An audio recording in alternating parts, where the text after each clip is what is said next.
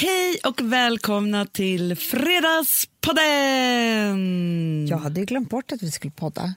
Jag vet, men vet du, det är torsdag idag. Ja. Vi brukar ändå podda lite tidigare i veckan. Ja. Och då kändes det redan som vi kanske Igår hade gjort hade jag podden. väldigt många ämnen, tydligen inte idag.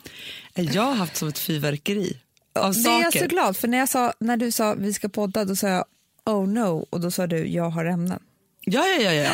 Och många ämnen som egentligen skulle passa dig bättre kanske. Lite så faktiskt.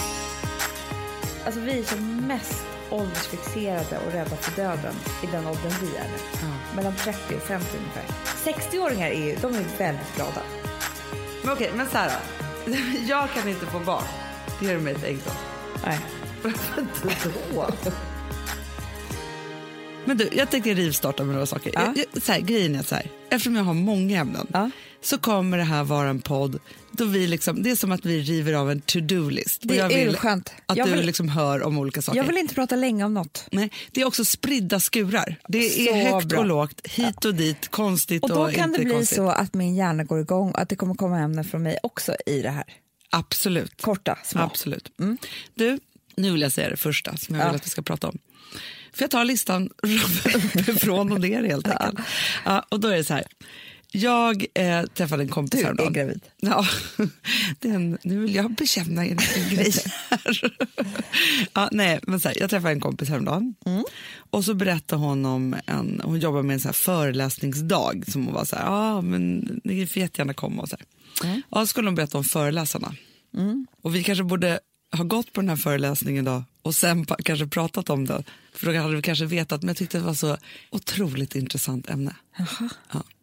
Då är det en man som ska föreläsa. Ja, Han är den första som är gravid. i världen nej, som ska transplantera, alltså få en ny kropp. Vänta, men hur då? Äh, Få någon annans kropp. Men Hanna, hur, alltså vänta, är det Han- huden eller nej, är det... Amanda, från halsen och neråt. Nu skämtar du. Nej, det är det här som Fast det är omöjligt kan jag Nej. säga direkt. Det är ju, eh, vad heter han, han på Karolinska? Det är en som har gjort det. Han dog efter två veckor. det förstår jag. Men den här killen, jag tror att han är ryss, det kan vara fel, men så, han är då förlamad i hela kroppen och har något, alltså sitter i rullstol och så här. Han har också uppfunnit någon otrolig rullstol som man kan styra med hjärnan. Oj. Mm. För han har ju bara hjärnan. Ja, Ja. Förstår, det är det som också är så, hur vi är, är vi människor i hjärnan eller är vi människor i hela vår kropp? Förstår ja, du? ja. Alltså, skulle du fråga en yogi, Ja, då skulle den säga att vi är människor i hela kroppen. ja, Skulle du fråga en vetenskapsman tror jag han skulle säga hjärnan. exakt. Tror du inte det? Jo, och typ så här, vi är robotar. Ja. Men, men Hanna, jag måste gå till botten nu med det här. Ja. Han ska alltså, någon ska byta hans Han kropps- väntar på att någon ska bli hjärndöd.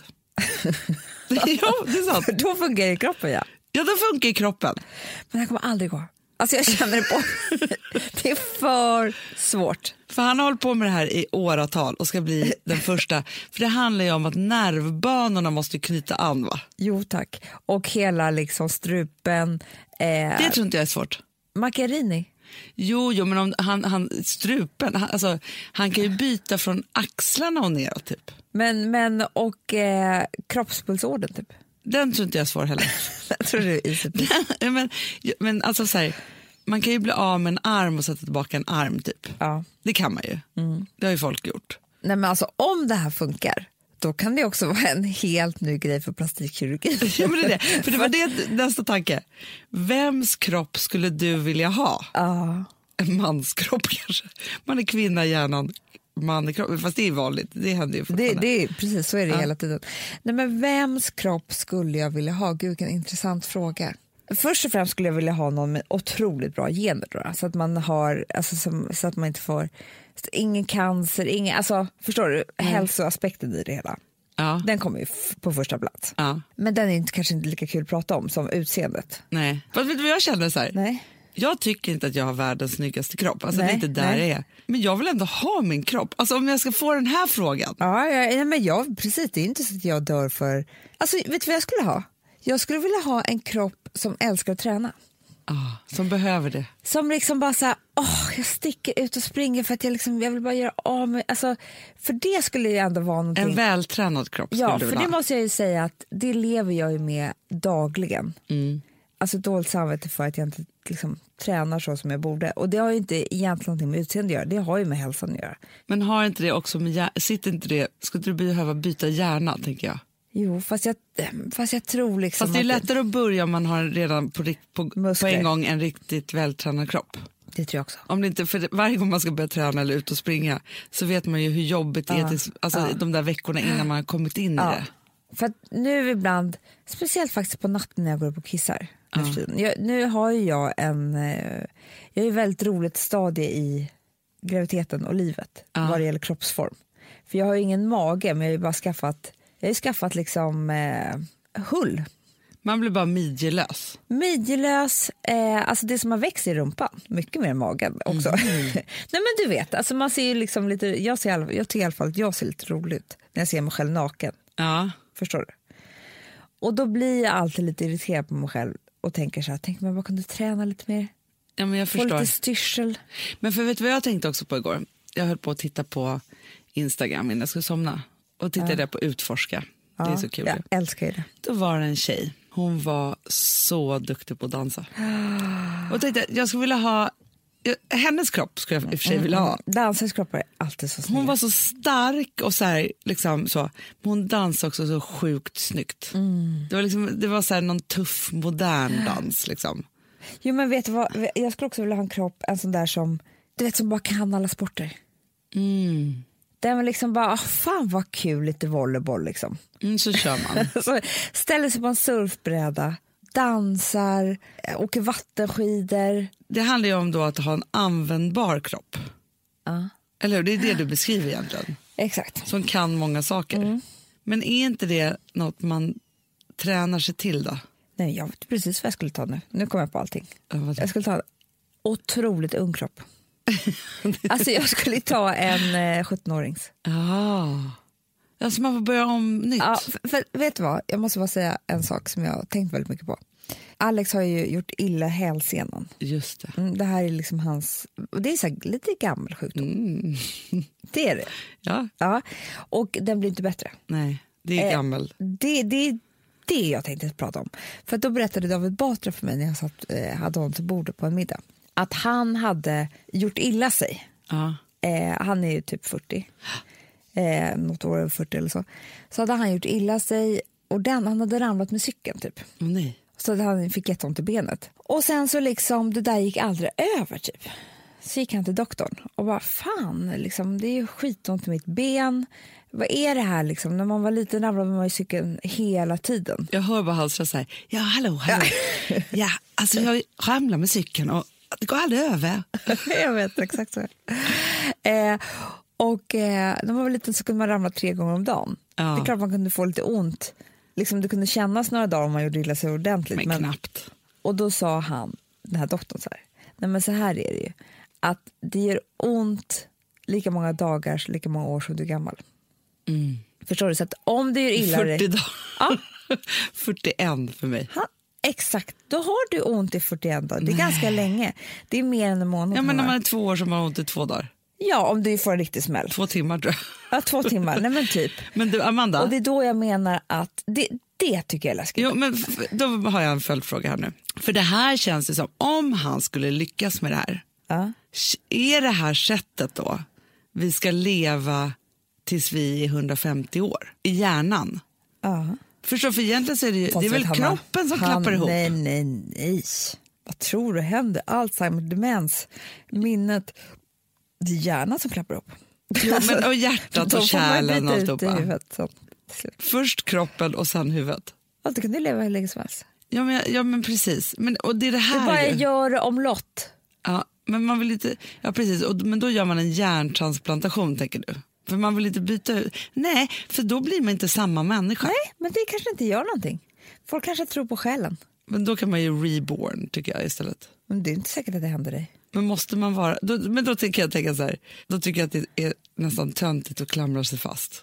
Alltså som att man är så speciell att man måste Men vara kvar. ska jag säga en väldigt sund sak som en eh, person sa till mig. som har en eh, gammal pappa som Ja. dessutom är sjuk. Och han är liksom över 80 typ. Och liksom, gud vad hemskt och tråkigt och sådär. Så han sa, ja fast han är liksom vid rätt gott mod ändå. Han vet om att han ska dö. Men det är nämligen så att vi, alltså vi är som mest åldersfixerade och rädda för döden i den åldern vi är nu. Ja. Mellan 30 och 50 ungefär. Då är vi liksom, vi är desperata efter lösningar att hålla oss unga. Ja. 60-åringar är de är väldigt glada. Väldigt glada de tycker faktiskt. liksom att gud vad livet är härligt och jag behöver inte vara sådär, uh, alltså jag trivs. Och, alltså det, det, de är ofta väldigt nöjda människor. Och när man är 80 år, vet, då är du så glad att du inte är ung så att det inte är klokt. För du orkar ju inte. Nej. Så om någon frågar en 80-åring vad skulle du göra om du skulle, nej, usch, orka vara 30 igen med småbarn. Alltså förstår du? Då förlikar man sig med döden. Ja, eller precis vara gammal. Och sen om man ändå är riktigt gammal, då tror jag att man kan tycka, alltså längta efter att somna in. Men gud, det där är faktiskt så härligt att höra tycker jag. För också, jag kan säga så här, när jag var typ mellan 15 och 20, då var jag en sån som sa typ att jag trodde att jag skulle dö ung.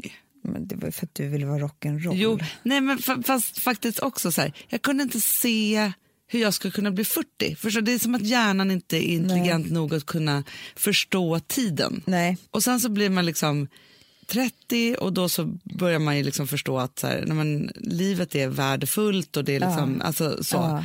Men just det där att, att det, det kanske är så då när man är sådär ung, då ska man inte heller kunna, för att kunna vara barn och barnslig och liksom alltihopa och vara ska det man där. inte förstå hur det är att vara 40. Och sen när man är 40 så förstår man ju allt åt båda håll på sätt. Ja. Men tydligen då inte hur det är att bli gammal. Nej. Nej, och det förstår inte vi nu heller. Nu är det vår absolut mest... Alltså, och jag tycker att allt det där hänger ihop. Men det är nu vill vi transplantera en ny ung kropp på vårt huvud. Det vill inte en 80-åring. Nej. Men jag förstår att han vill det, som är förlamad. Jo, jo absolut. Ja, men Men det är intressant, vi får se hur det här går. Vi får väl liksom, När ska han göra det här? Jag vet inte riktigt. Men han riggar liksom, Men skulle han kunna ta en kvinnas kropp tror du? vi måste kolla upp det här. Kan du ringa? Mm, men jag kommer gå till botten med det här. Ja, bra. Jag kanske kommer gå på föreläsningen. Men också, för att det han också utsätter sig för. Jag förstår ju, han är förmodligen, eftersom han också uppfinner liksom rullstolar och hit och dit och så här. Men det är en otrolig risk han utsätter sig för. Det kommer aldrig gå. Det är det jag säger. Tycker du negger mot honom nu? faktiskt? jo, men alltså, Fast- tänk den rehabiliteringen. Det är det. Ja. Sen jag såg Macchiarinis dokumentär, då är jag väldigt rädd för sånt där. Jo, men det som man känner, fast som jag också kan tycka är lite, för man har ju tänkt så här, ja, men sjukvården, allt går framåt, allt går typ. Ja. Och så bara nej, det är lite hittepå också ibland. Ja, men du, vad, för det här tyckte jag var väldigt intressant och nu tycker jag du ska vara väldigt ärlig här. Jag kommer nämna några namn Ja, som du ska donera njure till. Njure till. ja en av mina njurar. Ja, Ja, det kan man göra. ja, ja. ja. Du får gå på medicin resten av livet. ja, Det är en ganska jobbig operation. ja. Eh, det är inte helt enkelt. Nej, men min njure passar dem. Passa dem. Mm. Och blir din njure sjuk sen, då har du ingen. Då har du inte Nej, två. nej, den är, jag har själv ja. Precis. Mig. Ja, absolut. Gustavs pappa. Men det får Gustav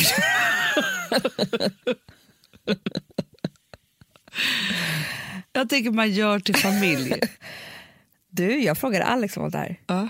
Jag tror att han är den snällaste människan. Jag bara, så sa jag Robin Israelsson, här vår producent. Han bara, absolut. Ja, Men det kanske man skulle göra om det var så.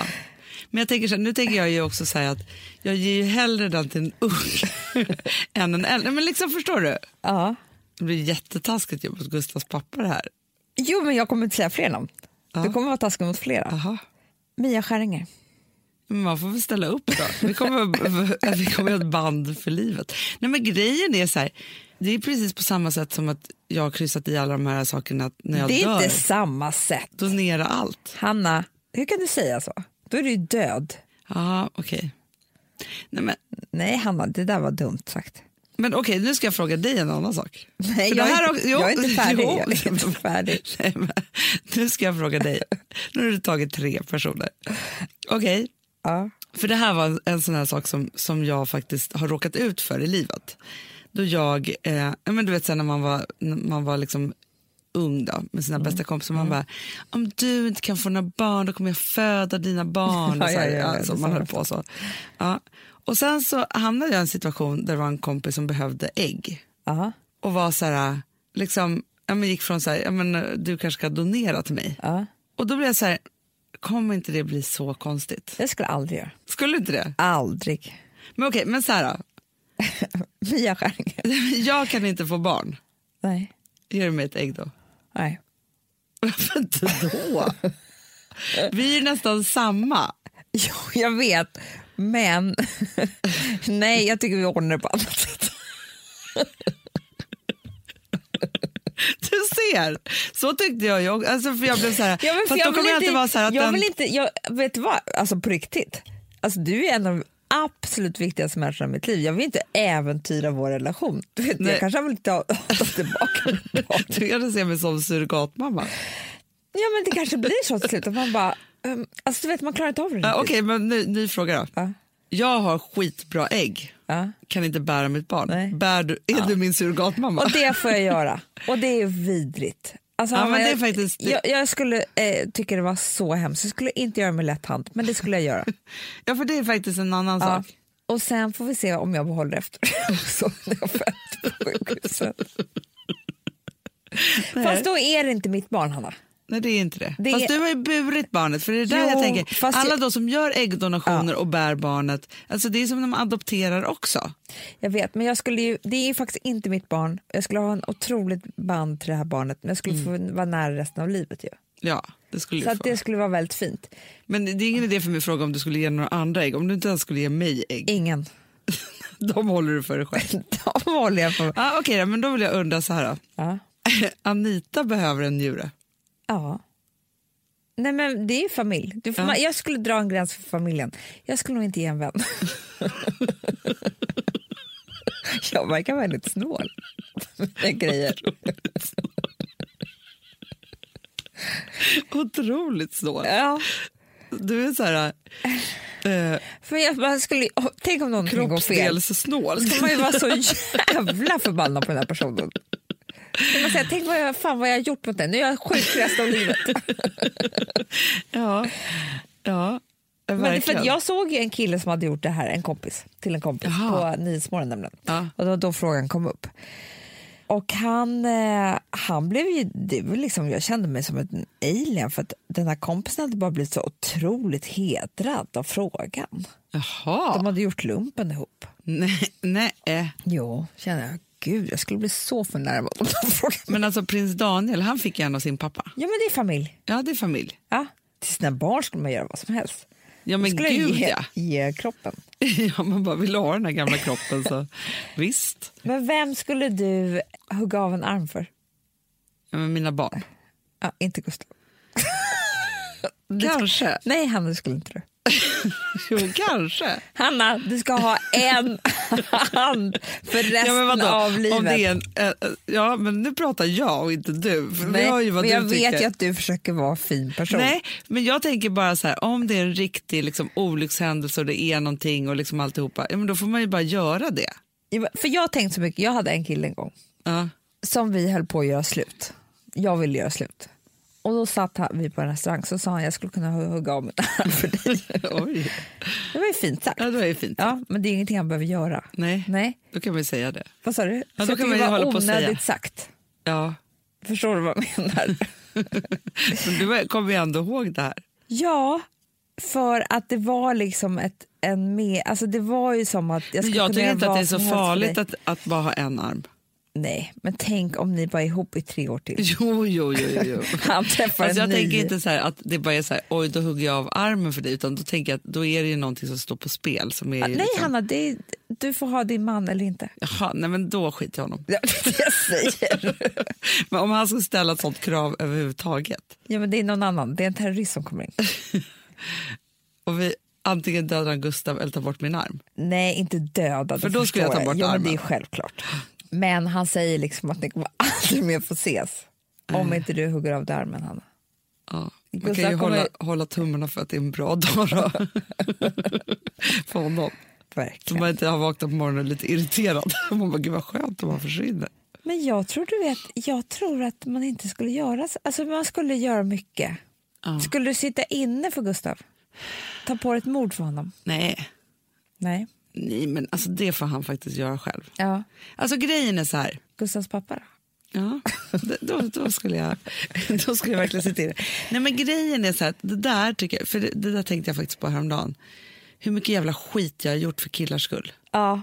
Alltså så, så man var så här, men, jag- jag hade ju åratal liksom, utan liksom, egen ryggrad typ, där jag bara gjorde, alltså så här, gick med på saker och ting som jag aldrig någonsin skulle gå med på idag.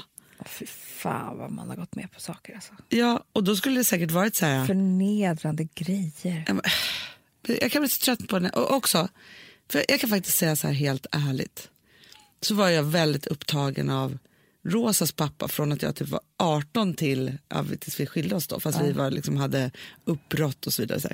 Och grejen är så att jag gjorde så mycket sjuka saker för hans skull. Ja. Och som han ville att jag skulle göra och så vidare. Så här. Och vet du, vad, vet du vad jag vet? Nej. Han var ju inte ens kär i mig, typ. Nej. Men där tycker jag också man ska skylla på sig själv. Ja men det är det jag gör. Ja, för det är inte någon annans fel. Alltså, jag tror att liksom, det finns människor som har gjort saker för en själv som man inte bryr sig om. Ja, men det är inte alls hans fel. Alltså, han liksom, har väl en, en Alltså, personlighet då, som triggar ja. igång massa saker hos mig. Men jag kan, jag kan mer liksom, nu när jag är vuxen bli irriterad på att mina föräldrar var gränslösa som gjorde att jag också var gränslös i min relation. Absolut, det är, det, det är de man ska vara arga på på riktigt. För jag hade ingen aning om så här, var är mitt nej? Nej. Liksom, Men när alltså, är det jag nog och tycker, vad gör jag för jag tycker liksom att om, jag tycker så här, när man är typ 20 år, alltså först, först är det ettårskontroll, tvåårskontroll, allt det där Mm. hos barnmorskan. Nu ska vi på fyraårskontroll med Frances. Liksom. Och sen så det- håller skolan tag igen, Mm. jättebra. Sen så släpps man ju helt fri. Ja, Det är helt. fruktansvärt. Ja. Då tycker jag att man skulle ha som 20-årskontroll. Ja, Och där tycker jag det skulle vara så här, var är mitt nej? absolut. Till exempel. Men också, hur mår du?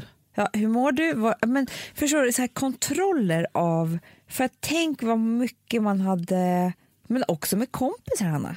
Om man hade haft ett starkt nej, eller förstått, lärt känna det, haft, liksom, eh, haft gränser.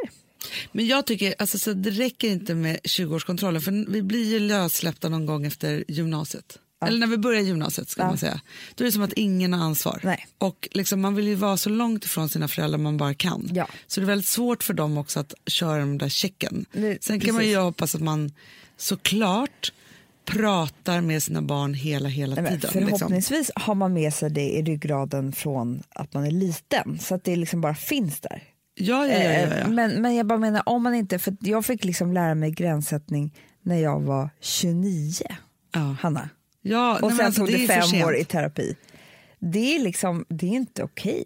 Nej, men alltså jag hörde, apropå det här, så hörde jag, alltså det var så, jag satt i bilen och skulle köra någonstans och så Gustav lyssnar väl mer på P1 än vad jag gör. Ja, jag älskar P1. Ja, men det är så härligt. Och då var det, jag tror att programmet hette Dagens tanke. Mm, det lät väldigt mycket P1. Ja. Och Gammalt Och så tänkte jag så här, my god vad ska komma nu? Då var det en tjej som, hon var nu, drev den här organisationen Maskrovsbarn. Ja. Men hon berättade om sig själv. Mm. Och jo, för då var det så att när hennes mamma, nu kanske jag berättar fel här, men, men jag tror att det var så här, när hennes mamma dog, Ja. Först då, alltså det här hände för inte så länge sedan, så hörde hennes kontaktperson hon hade haft när hon var liten från socialen av sig, det var massa som hörde av sig och släktingar och så vidare, så här, som hörde av sig. Ja. Och hon var bara så här, ja okej, nu hörde ni av er, men varför fanns ingen där när jag tog hand om min mamma hela nätterna, inte kunde gå till skolan för att klockan åtta först kunde jag somna för att jag hade vaktat henne hela natten för att hon inte skulle ta livet av sig. Och så vidare och så vidare. Och, så vidare så här. och det som hon sa då som jag var tvungen att faktiskt skriva upp, hon bara, och det som var var ju så här att ni vuxna, ni var så rädda för att göra fel att ni inte gjorde någonting alls.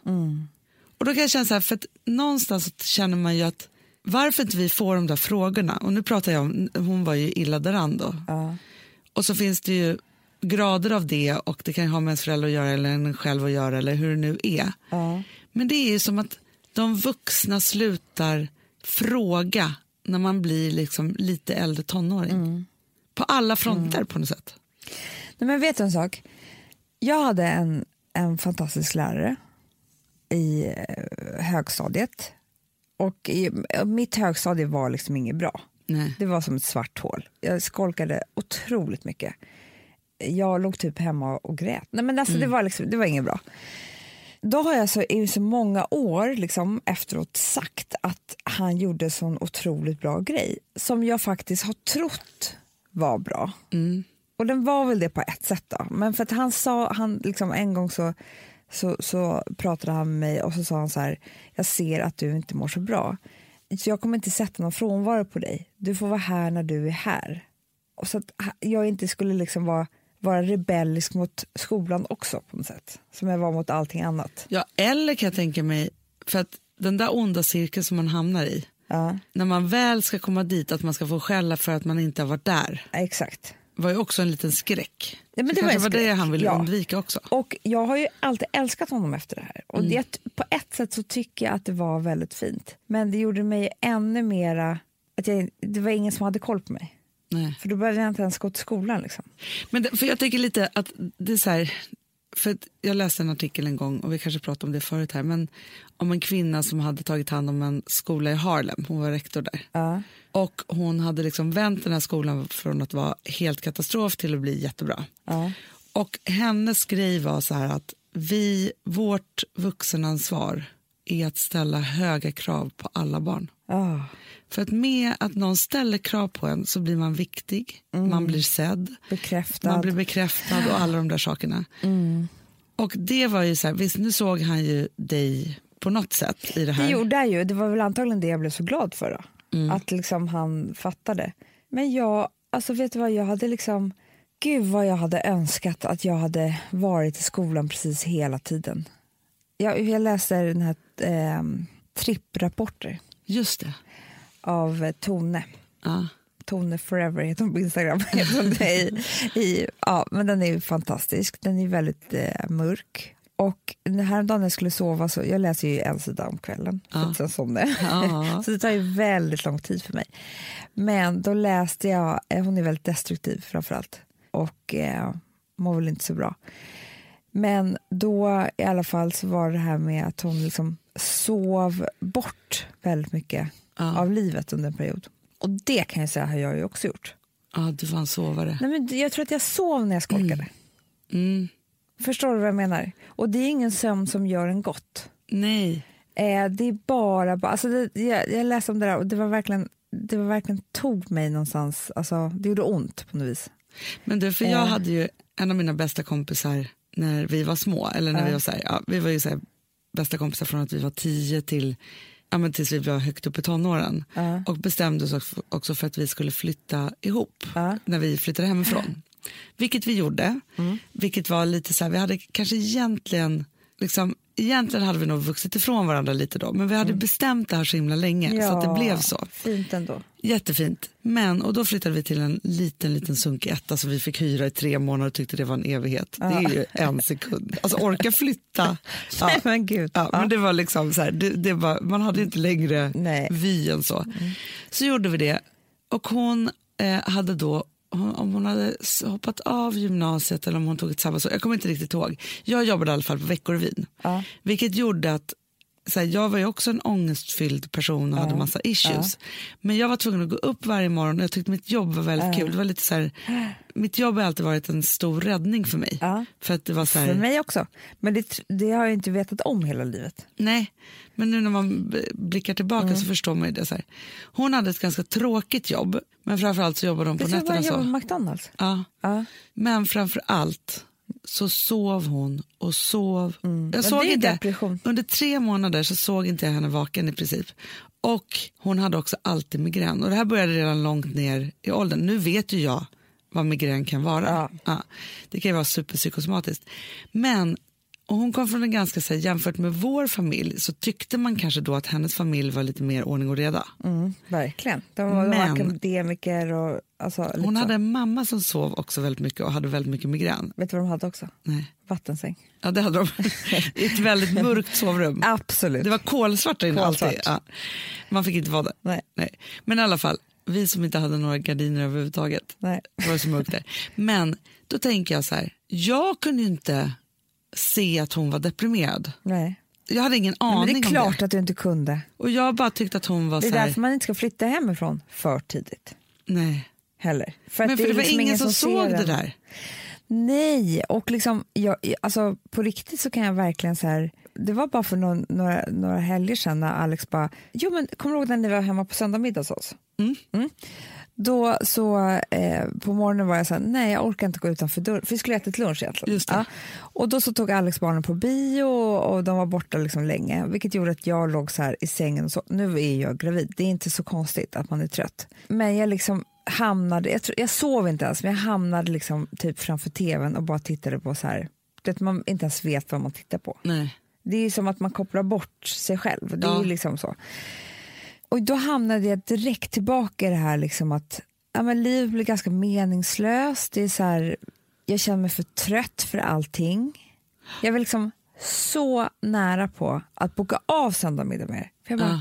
hur ska jag orka laga mat? Nej. Det kommer inte gå det här. Eh, och sen så liksom, bara jag bara tog upp mig på soffan ut och handlade, då är det där borta. Absolut. Då, då är det liksom underbart att Men det är som att man snuddar vid en depressionskänsla Exakt. eller, eller en depression kanske. Ja, och det jag sa till Alex då var så här, gud vad jag känner med eh, arbetslösa framförallt. Ah. För att det jag förstår så väl, jag har också varit arbetslös i London, eh, det är att när man kommer in i de där faserna, då till slut tänker man så här, hur skulle jag ens orka jobba? Nej men verkligen. Hur skulle jag ens, det går inte, för jag kommer inte upp ur soffan. Nej. Liksom. Så, så är det såklart att man, man fattar kanske, Men sömnen är ju en superflykt. sån otrolig flykt alltså. Och grejen är att den är ju till en början skön. Alltså jag kan ju tänka tanken så här, jag måste bara få sova. Ja, jag också. Och tänk om jag bara kunde få sova. Låt Alltså, mig så här, bara vara så får jag sova och allt kommer bli bra. Så kan jag tänka. ja. Sen har jag ju alltid vaknat efter en timme och bara, äh, det här var för tråkigt, du måste hitta på någonting. Ja. Det, och det har ju varit min räddning tror jag. Ja, och det, det jag menade den här söndagen, det var inte så att jag låg och sov. Nej. Jag hamnade bara i den här inte ta mig upp ur soffan-grejen. Ja. Liksom. Och det var väldigt läskigt. Det, det, alltså, vad, det här måste man typ ha som minneslapp. Jag måste ha det i alla fall. Och, och, och folk som är som mig. Där det står så här, nej ta dig ut. Du kommer inte må så här när du är ute på gatan. Nej. Du är inte så här trött. Du tycker inte att, att livet är tråkigt. Nej. Förstår du vad jag menar? Depressionsbubblan, man måste ta sig ur den. Ja, för den luras. Den är så förjävlig Och stark. och stark. Men däremot från eh, det här till någonting annat så läser jag nu Ariana, eller Adriana.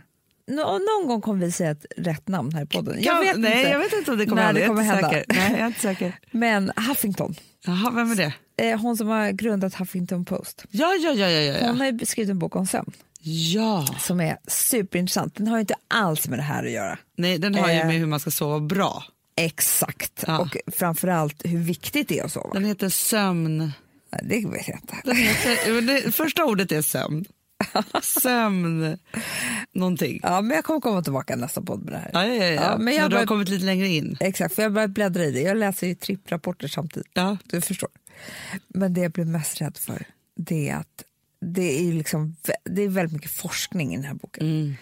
Och eh, sömn är liksom, vi fungerar inte utan sömn överhuvudtaget. Kommer du ihåg att vi hade en sömnforskare i våran tvådd som vi hade på SVT? Jag älskade honom. Han var ju under, det var ju kul att prata med honom. Det var ju så kul. Men de som sover minst, Är lyckligast.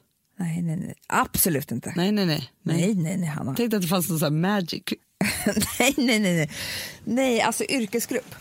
Ja. Först förklarar de liksom eh, vilken, eh, alltså vad, vad som händer om man inte sover. Och då är det så här, tillräckligt mycket. Du, vet, du börjar ju ta konstiga beslut, du, börjar- alltså Ja. hjärnan börjar sängas ner bit för bit. Och hemskt. Vilken yrkesgrupp tror du sover minst? Läkare. Ja. Ja, ännu hemskare. Titta om man kom på såna saker med struparna. Och att man kan transplantera och kroppar. akutläkare, förstår du? Det, då blev jag så rädd så att det, att det är det som ska förstöra, göra, kanske döda mig. Ja. En läkare som har sovit för lite, då tycker jag livet är så skört så att det inte är klokt. ja, usch det är hemskt. Men det borde vara så. Men det är också så här när man hör såna här, så här horribla historier om så här, kaptener som ska flyga ett plan och är Ja! bakis och inte har sovit något i natt. Det finns ju vissa saker som man vill att folk ska vara crystal clear. Jo, Alltså tack. typ att de bara får jobba var tredje vecka när de verkligen är utvilade. Eller hur? Ja. Men alltså, jag kommer läsa vidare Huffington Post. Ja. Sen kommer jag komma med sömnskola nästa podd. ja, men det blir så För spännande. jag, tycker tror att, jag har inga problem att so- sova. Nej, jag har problem inte tvärtom. Men jag tror att det är en, en stor issue för folk. det, men det vet man ju att det är. Mm, inte för dig heller, men Nej, Nej men det är inte det. Men jag har haft sömnproblem. ja, så du kan ändå kommer kunna relatera till Ja, det. mycket ångest på nätterna har jag haft. Det var ju, alltså jag har inte haft så mycket ångest på, eller jag har haft mycket ångest på dagen. Men det var ju faktiskt det, du och jag pratade faktiskt om det. Vi träffade en skitgullig tjej, en av er, på gatan häromdagen. Ja. Och så sa, åh jag lyssnade på er i morse, jag vaknade med ångest. Ah. Och då sa vi så här, vi bara nickade, alltså så, här, så gick hon vidare, så bara du och jag till varandra så här, gud, ja, tänk vad mycket man har vaknat med ångest. Man vet precis vad den där känslan är. Och jag kan säga så här att jag har haft mycket ångest omkring sömn och natten. Alltså inte ångest för det, men runt det. Och speciellt det vi pratade om, som vi faktiskt peppa peppa ta i trä, inte är med om så ofta längre. Vilket Mm. vi också då kom på att vi var så glada för. Ja. Det är att man kunde vakna imorgon och bara, nej. Alltså, Nej, men man vaknade och bara med tryck över bröstet som ja, var så här, och allt, och man tänkte så här, hur ska jag, ja, jag kanske bara måste ringa någon eller ta mig till jobbet eller liksom, Ja, men innan jag kom på att om jag bara ringer någon och får en verklighetsperson att prata med, då kommer då, då är jag ju ur det, typ som att gå ut på gatan. Men innan jag kom ur min lägenhet eller upp i det där eller liksom så, här, så kunde det vara som katastrof och surrigt i min hjärna så att jag, alltså jag önskar men det var ju då det. vi också kom på att man alltid vaknade ensam när det där. Ja, det gör man inte längre, det var ju det vi kom på, att det kanske är Vi räddningen för Vi oss. kommer på mycket Ja. av det vi kom på då. Exakt. Men också det, tillbaka till de här åren som vi har pratat om mycket nu. Jag tycker inte man ska vara ensam någonting. Nej, Det är ingen idé. Det är överskattat. När man är i vår ålder kan det vara jätteskönt med en timme ensam. Men vet du vad det också var så mycket, som jag tycker att jag har varit med om mycket i livet? Att folk ställde krav på mig att jag var en sån som borde lära mig att vara ensam. Men gud vad sjukt. Vi, att- vi är flockmänniskor. Men att det var som en grej, att det var så här, man blev inte vuxen förstå, man skulle vara ensam, man skulle vara, alltså så här, och jag kan säga så här att jag har aldrig mått speciellt, alltså det är som att, att, vara en, att kunna vara ensam Ja. Och att man bara kan det utan ångest, då är man typ en bra människa. Gud vad sjukt. Är inte det sjukt? Du, jag tror inte vi ska vara ensamma en sekund. Nej, jag tror inte heller det. Jag var ju otroligt mycket ensam. Nej, men jag har faktiskt varit det i mitt liv. Eh, och jag kan fortfarande tro också att det är så himla härligt. Mm. Men det är ju inte det. Nej, men grejen Alltså det, är är, här, det är en timme eller det, det är liksom, låt mig ta ett bad själv. Absolut underbart utan barnen i badkaret och läsa en tidning. Det, det kan jag uppskatta på ett, otroligt sätt.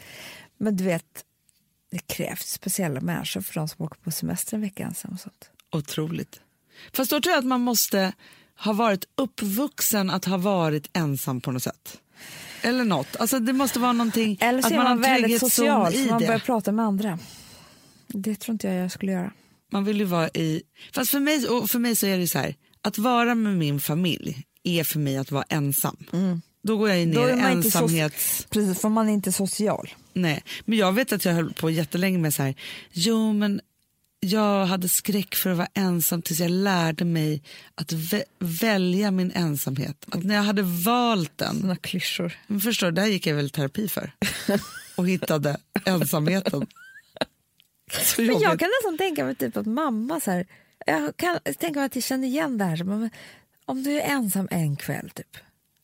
Att du Ja, men- ska, skulle lära dig det. Ja, ja. Ja. Frukt. Alltså, varför skulle jag lära mig det? Det är en sak att vara självständig, men det är en annan sak att vara själv, tänker jag. Det mår ingen bra av. Nej, Jag tror inte ens man skulle... Alltså, Och du, på grund av min rädsla för ensamhet då, Ja. så kan jag säga att jag har haft så mycket fantastiska, jättenära relationer. ja. För att man, är så här, man har gripit tag i någon som, som Ja. tänker, kanske tyckte att det var härligt att vara ensam. Och bara så här, levt dygnet runt-liv Ska jag med säga dem. vad jag tycker är jättemysigt att göra ensam? Ja, Jag tycker det är lite mysigt att gå på stan en stund ensam. det kan vara skönt. Och, eller hur? Typ, ja, Fast då har man ju så många runt omkring. det är det jag menar. Det klarar jag av. Ja. Alltså när jag liksom, eh, det tycker jag är rätt, alltså gå på NK ensam är jättemysigt. Ja. Sätta mig och beställa någonting och äta en kaffe. Alltså, allt det där fixar jag i miljö. ja, absolut. Det är väldigt mysigt. Ja. För då är det människor som ser mig fortfarande. Ja, men och grejen är, så här, Jag det, är väl det, så här, det är inte så att jag inte kan vara ensam. Nej. För det är ju så här, det, det handikappet hade ju vår farmor, att hon Ja, aldrig ja. kunde, och så här, hela världen var uppsnurrad runt olika saker för att hon skulle vara själv. Det är en sak. Men fortfarande, men du vet ju så Amanda, det är som så här, jag får ju panik, alltså är det något som är mitt panikigaste, nu i vuxen ålder kan jag göra det fast jag undviker det, det är att behöva resa själv. Det är mitt värsta. Ja, Att du gjorde det så det mycket. har jag gjort otroligt mycket. Fast det är för mig nästan samma sak som gå på NK. Jag tycker det är rätt mysigt. Älskar att vara på flygplatsrensan. Vet- Nej, men vet du, jag hamnar i en overklighetskänsla då. Ja, Som att jag inte finns riktigt. nej. Som att, som att det är ett parallelluniversum där jag Det bara det. omkring och... Men där liksom, allt som har också med att man kan gå och köpa saker. Om jag är någonstans jag kan gå och köpa saker. Fast du och jag när vi reser, vi köper mycket saker då. Ja, det gör vi. Det tycker vi om. För då finns man. Älskar det. Det är det jag säger. Bara jag får köpa något så är det lugnt för mig. Och på flygplatsen kan man göra det.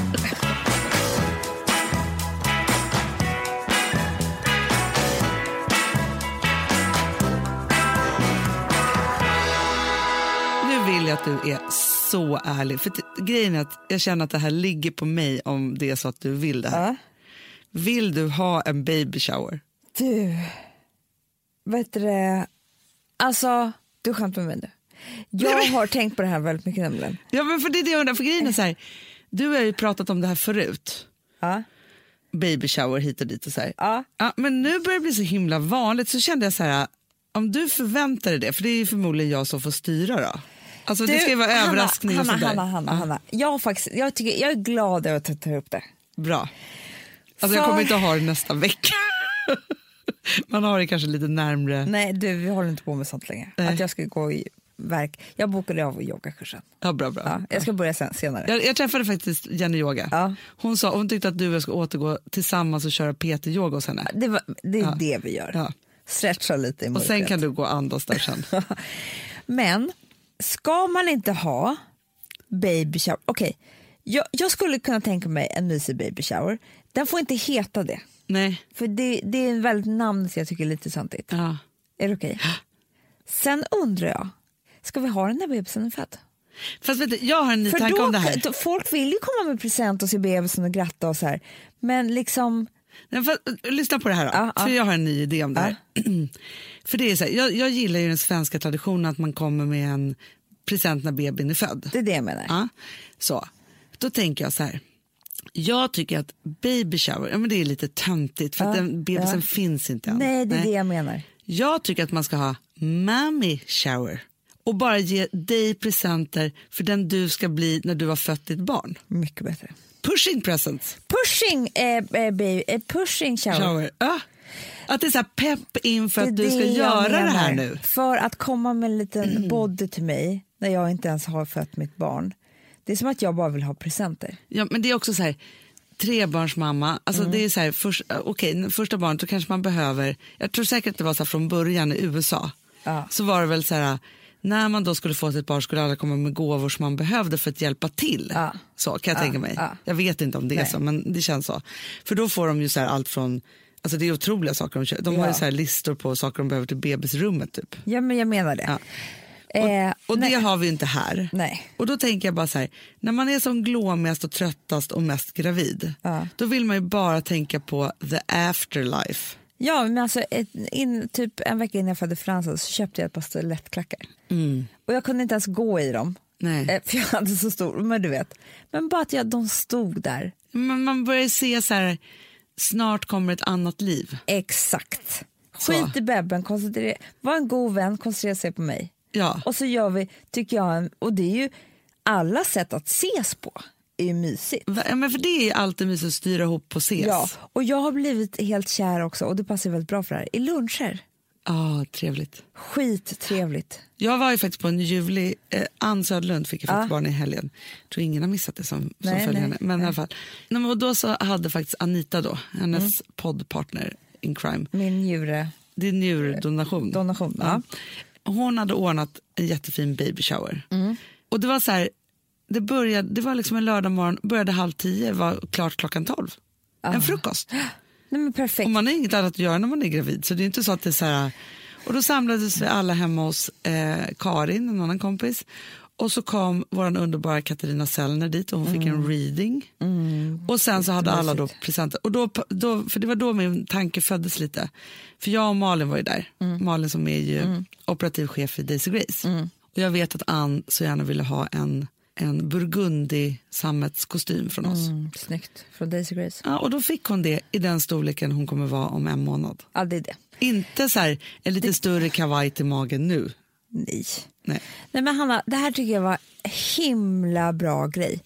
Och så här, jag tror att när man ligger där på BB och eh, liksom, ja, men det kanske man skänker en tanke till den här boosten man fick. Men förstår du om du får så här, du kanske får ett snyggt Chanel läppstift. Eh, du kanske får en liten, så här, du ska gå på en massage när du har suttit och ammat i någon konstig ställning. Alltså förstår du så här, lite så, sådana där saker. Jättebra idé. Då kör vi på det. Ja, så skiter vi i bebisen. För bebisen får ändå. Ja, men sen får man ju köpa presenter till bebisen. Ja, och liksom... Men jag alltså tycker att här, mamma ska hedras för det är nio tuffa månader man går igenom. det är så man gör. Det är så man gör. Och sen så eh, vill jag gärna betala för lunchen. Mhm. Ja, det är viktigt för mig. Ja, okej. För om någon, folk kommer med Du, och så presenter, vill du gärna donera en njure. om folk kommer med presenter, ja. då tycker jag liksom... Ja, men jag alltså fattar. du eller jag betalar, förstår du? Det är samma. Jag hör dig. Jag hör dig. Eh, Jag tar jag, jag tycker inte om när folk ska ge för mycket. Nej, men jag fattar. Jag fattar. För så Vi här, kör hur liksom... speciell ska hon vara eller vad folk ska få vara? Ja, jag vet. Och sen till tredje, då har ju folk också vänt ut och in på sig själva och sin plånbok redan. Nej men förstår du. Ja.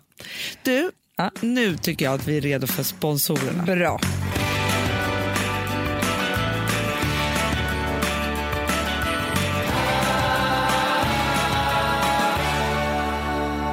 Nu kommer jag säga någonting som jag kommer malla mig över. Ja.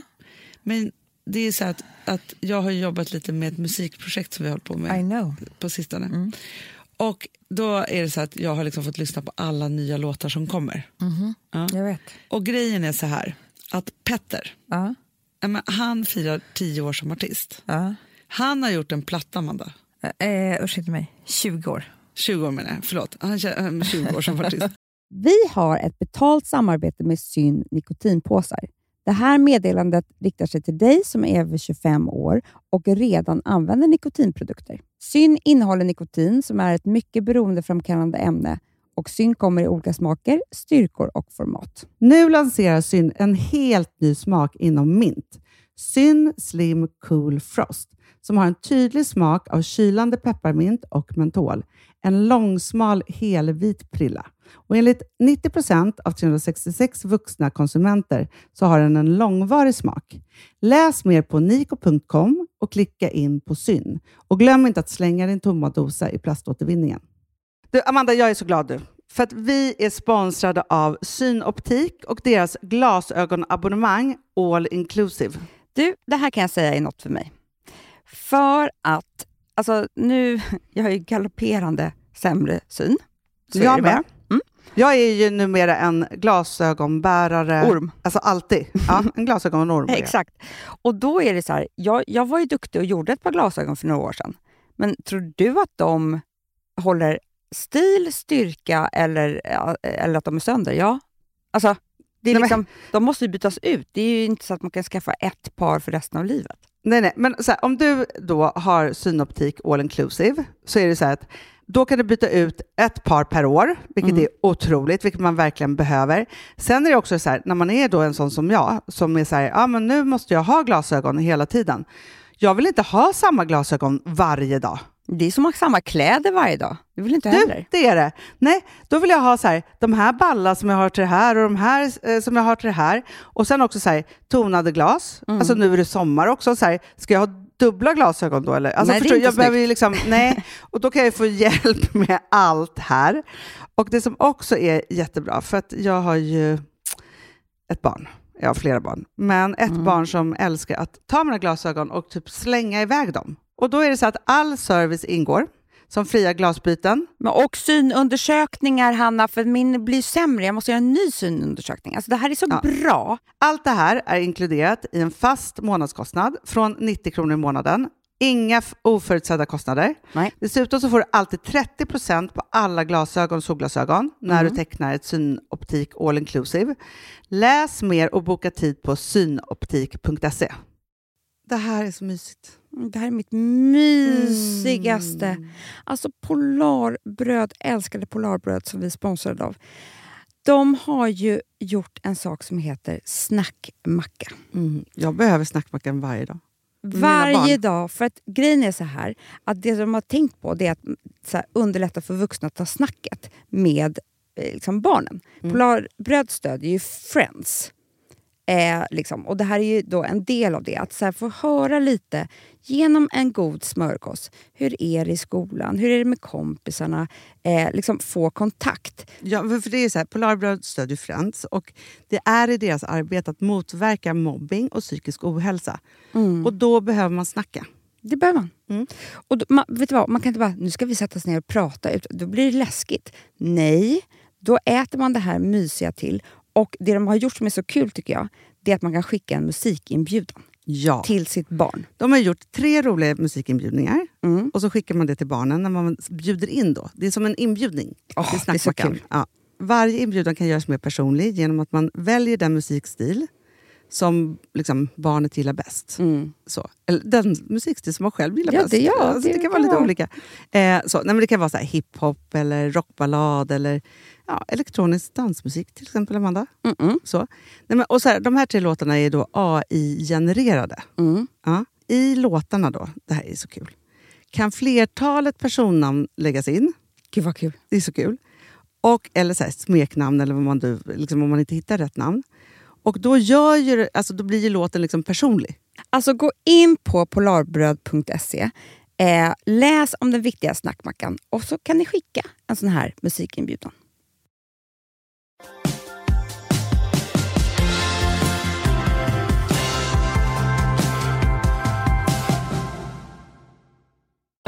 Eh, 20 år som artist. Ja. Han har gjort en platta. Ja. Gud vad det har blivit musik som säger platta. Mm. Ja. Han har gjort några spår eh, och en, en EP. Dessa saker som man säger då. Ja, nej men skitsamma, för det här är någonting som jag älskar mest av allt på hela jorden. Han har tagit sina gamla låtar och gjort om dem på ett helt nytt akustiskt sätt med massor av fina gästartister. Plattan heter Skeppsholmen och släpps idag den 28 oktober.